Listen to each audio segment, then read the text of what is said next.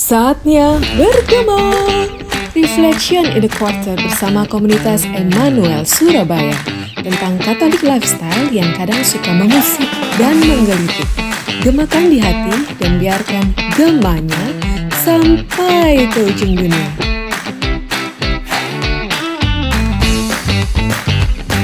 Saatnya bergema. Welcome back to Gema Reflection in a Quarter dengan saya Yohana. Saya Adi dan guys ada peringatan baru. Hai, saya Frank, anggota komunitas Emmanuel. Bintang tamu ya mas. Bukan, nanti ada yang lebih spesial bintang tamunya. Oke, eh, so brothers, kita hari ini mau ngomong tentang apa ini? Kalau dari judulnya itu bau-bau cinta, tentang hati. Padahal ini sudah bulan Juni, Februarinya udah lewat. Gimana nih? Oh, kalau ngomongin soal cinta kan nggak harus tunggu bulan Februari aja kan. Setiap hari juga boleh kok. Mencintai siapa, Pran? Mencintai Yesus. Dan? Ya, Tuhan kita dan orang-orang yang ada di sekitar kita semua. Oh, kirain ada yang spesial. Mau dikepoin Mau nih kalau di... Oh, Iya. jangan.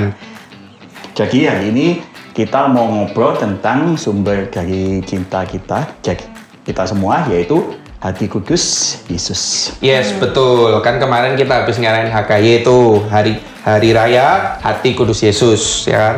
Jadi hari ini kita akan ngobrolin soal itu dan mari kita undang eh, bintang tamu kita yang bakal bahas soal ini yang lebih spesial.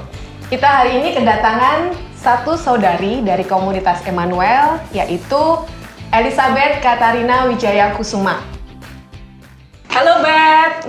Halo, Beth. Yong. Iya. Halo, Halo. Kak Beth. Eh, Ya, kita manggilnya Kak ya? Ya, panggilan sayangnya itu Elizabeth atau Beth. Ya, dia adalah selibat awam dalam komunitas Emmanuel. Jadi sebagai seorang selibat, dia memberikan hidupnya, cintanya hanya kepada Yesus dan semuanya untuk eh, kerajaan surga. Betul gitu ya, Beth ya? Betul sekali. Iya. Terus eh, sehari-harinya sebagai seorang selibat itu ngapain aja, Beth? Kegiatan sehari-harinya itu seperti apa kalau eh, sebagai selibat? Ya tentu saja berdoa ya. Ya, oke. Ya. Jadi Aku juga berdoa meskipun nggak selibat loh. ya lebih panjang lah ya. Oh, Oke. Ya jadi memang tugas utama ya karena tadi sudah dikatakan Yohana kalau kami ini selibat artinya tidak menikah sampai tidak menikah itu demi kerajaan Allah. Iya. Maka kalau tidak ada doa itu rasanya kayak garam tanpa rasa asin. Hmm, Jadi ya oke. tentu saja utama adalah doa dan juga membawa semua yang kami kerjakan dalam doa. Tapi kami uh, memang tidak dibiara. Ya. Kami bersama-sama dengan uh, para awam, kami punya uh, pekerjaan profesional juga. Dan uh, ya yang terutama itu bahwa uh, apa yang kami hidupi itu demi kerajaan surga dan um, dengan cara mengikuti Yesus yang miskin, taat dan murni. Oke. Eh, tadi itu kan dikatakan bekerja, tetap bekerja. Jadi eh, untuk selibat awam di komunitas Emmanuel ini guys, mereka tetap bekerja sesuai dengan profesi masing-masing gitu ya. Iya, ya. Jadi Elizabeth ini adalah dosen. Dosen di Ya, Universitas Katolik Widya Mandala Surabaya. Surabaya. Betul Betul. Jadi cocok ya, eh, hari ini kan kita bahas tentang hati kudus Yesus. Dan narasumber kita adalah seorang yang mencurahkan seluruh hidupnya dan seluruh hatinya kepada Yesus juga gitu. Yes, Ya, betul. Ya betul banget kok Adi. Jadi kan kita mau bahas HKY dan aku nyari-nyari itu loh Cebet di internet HKY itu kalau aku cari selalu dapatnya novena hati kudus Yesus. Terus dapatnya juga doa-doa hati kudus Yesus. Apakah HKY itu hati kudus Yesus ini kayak bucinnya Yesus gitu ya? Ya, Yesus yang bucin dengan kita dan memang ada anggapan kalau orang-orang eh, yang mempunyai devosi ke hati kudus Yesus itu memang seperti bucin gitu ya istilahnya zaman sekarang. Ya. Nah, eh, ada benarnya, eh, tapi nanti ada yang lebih benar. Oke. Jadi eh, bucin itu ada dua konotasi, konotasi yang mungkin negatif yang kita hindari, tapi juga ada konotasi yang justru mendorong kita untuk lebih mencintai Tuhan. Jadi konotasi yang agak negatif itu kan kayaknya orang, waduh sudah tidak pakai rasio rasio lagi, kemudian juga ya mau diapa-apain juga terserah dan bisa dimanipulasi sampai dimanipulasi. Hmm, kayak budak budak cinta gitu ya, bucin, budak cinta yang dibudakkan oleh cinta. Iya, jadi sudah buta gitu kan, Iya. sudah tidak bisa membenarkan mana yang salah dan mana yang benar. Iya. Hmm. Kayak ada istilah itu hubungan toksik gitu ya.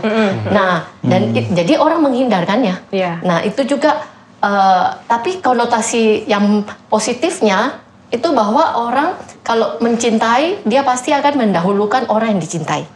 Dan dia ingin orang yang cintai itu bahagia. Ya. Ah, nah, eh, kalau dan kalau kita lihat kita itu sebagai manusia ya memang dari kecil dari bayi kita sangat membutuhkan cinta kan? Betul. Kita betul. sangat membutuhkan cinta. Bahkan kita ada cinta antara suami istri di mana kita ingin kita itu spesial di hatinya. Sekurang-kurangnya satu orang, gitu kan? ya. Spesial dan eh, dicintai apa adanya. Kita kepingin seperti itu. Nah, Yesus satu-satunya yang bisa mencintai kita seperti itu adalah Yesus. Iya. Karena buktinya kita lihat aja orang kalau lagi jatuh cinta itu seperti dunia milik kita berdua. Tapi Yang lain kalau kita lihat yang lain ngontrak.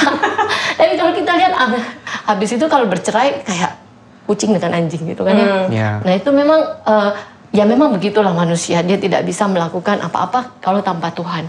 Hanya dengan Tuhan kita bisa mencintai dengan eh, tulus seperti Tuhan mencintai kita.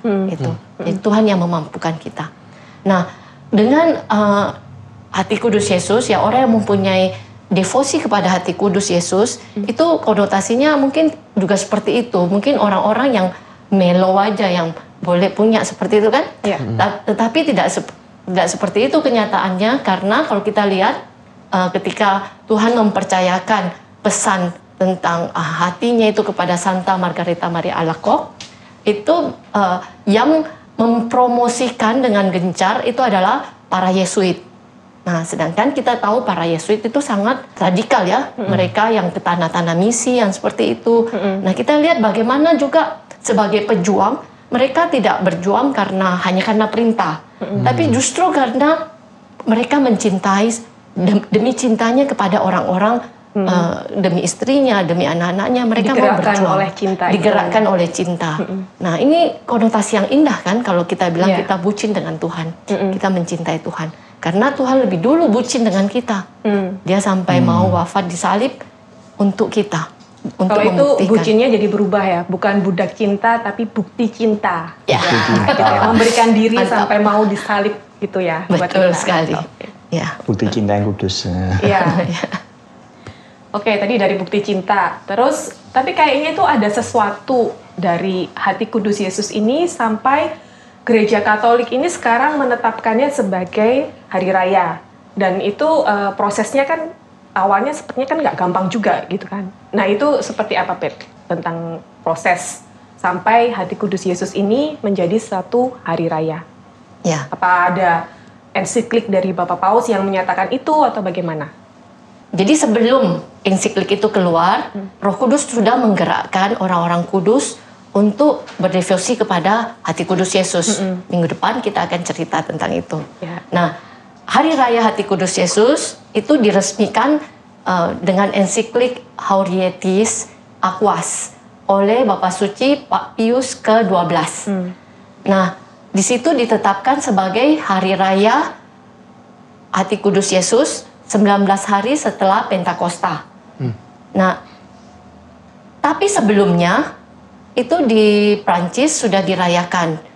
Nah, para eh, eh, waktu itu ratunya minta ke para uskup untuk meminta supaya Hari Raya Hati Kudus Yesus ini menjadi hari yang dirayakan oleh sel- seluruh umat di seluruh dunia. Jadi hari raya resmi minta ke Bapak Suci dan Bapak Suci eh, ya menetapkan hari hari itu ya hari raya. Eh, kenapa? Apa apa sih isinya Haurietis Aquas ya kan?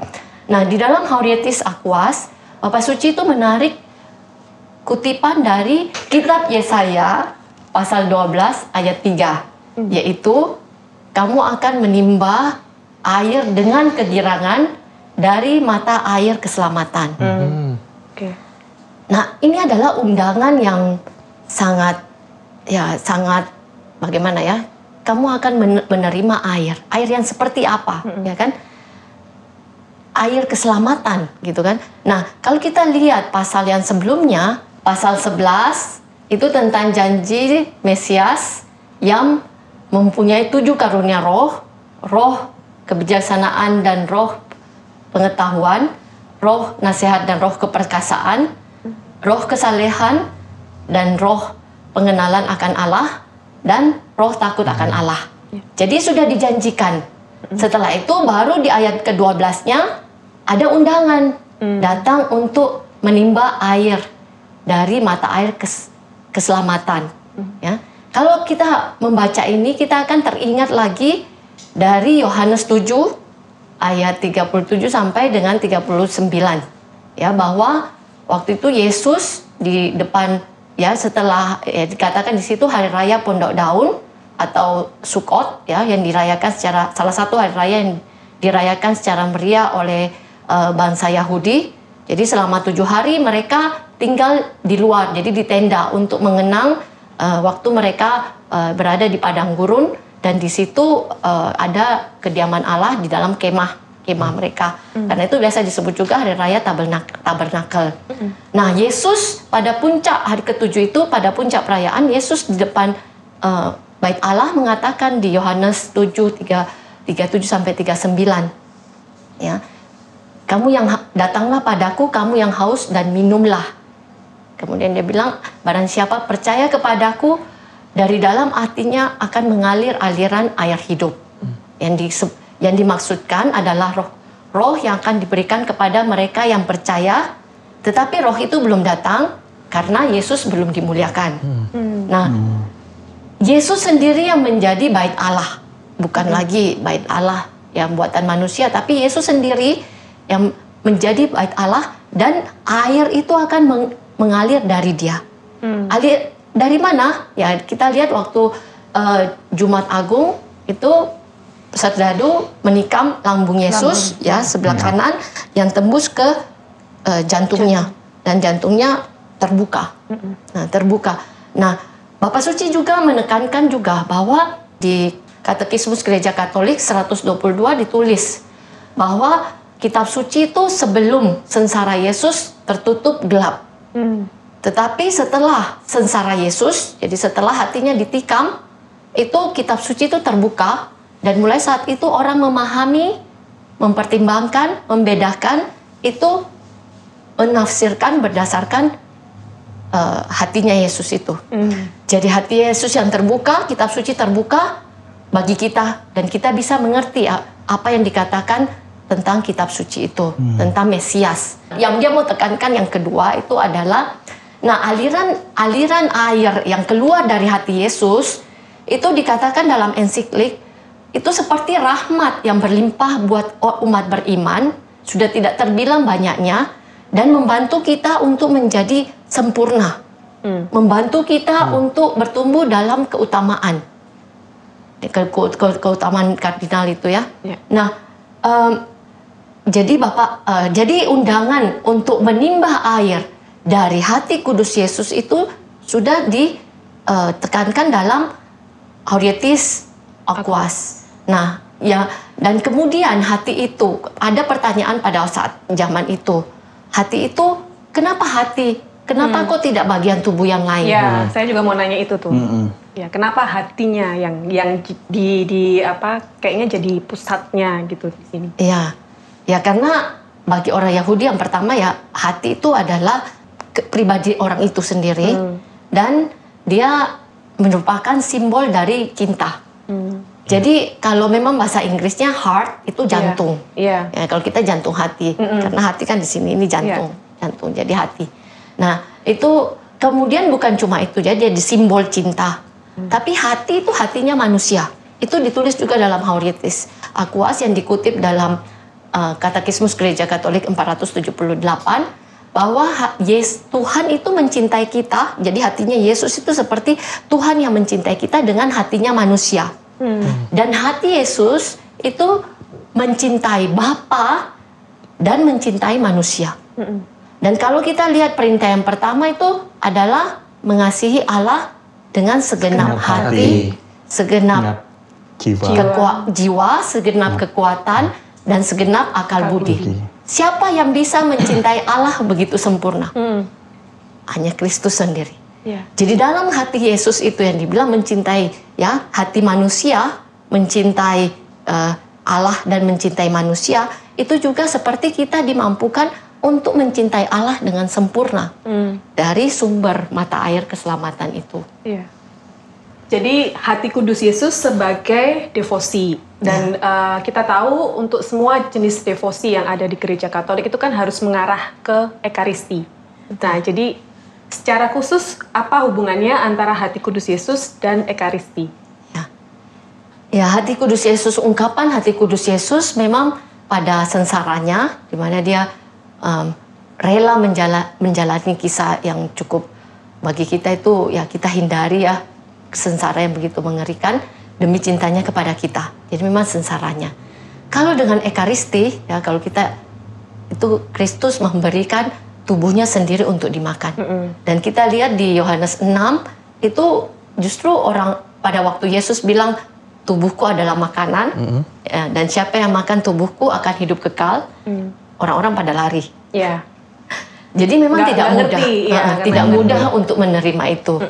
Nah, tapi kalau kita lihat, ya kalau kita lihat keempat Injil, nah tidak uh, ada tidak tidak semua Injil kadang ada di Matius, tidak ada di Yohanes, ada di ini. Terutama Yohanes itu memang beda sendiri.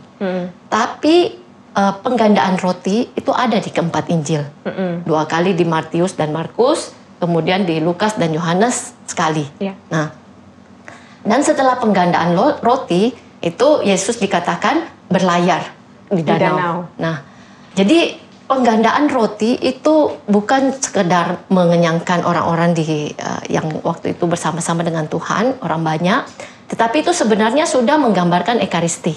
Hmm. Kenapa? Nah, Yesus berlayar di danau. Danau itu bagi orang Yahu- Yahudi da- laut itu seperti ya danau laut itu itu seperti kematian. Jadi pada waktu Yesus berlayar di da- di atas danau sampai dia ada yang berjalan di atas danau juga itu me- seperti memperlihatkan bahwa untuk memberikan tubuhnya dia harus melalui kematian. Jadi yaitu sengsara sendiri.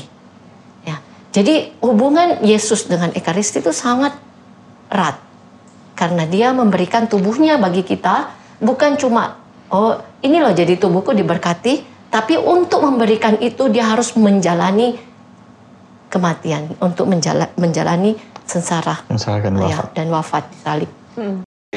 Wah, Cepet berarti devosi ke HKI ini sungguh luar biasa mendalam ya, nggak cuma sebatas novena dan doa aja. Sampai kalau aku ngerasa nih, kayaknya kita mau ngobrolin soal HKI aja nggak cukup gitu ya, panjang banget. Tapi ya karena kita keterbatasan waktu, kita harus eh, stop dulu di sini. Dan aku tuh punya satu gambar yang penampakan di paralelmonial. Kayaknya kok Adi tuh bawa nanti kita next episode kita bahas itu ya. Oke? Oke, Oke, sip. sip kalau gitu dan terima kasih yang sudah bergema bersama kami. Kalau yang belum sempat mengikuti episode-episode sebelumnya, silahkan cek di page kami. Juga jangan lupa di follow, like, dan subscribe. pasang juga loncengnya supaya dapat informasi yang terupdate soal komunitas Emmanuel. Ya, boleh komen dan share juga ke teman-teman kalian supaya Gemanya sampai ke ujung dunia. Bye. Bye-bye.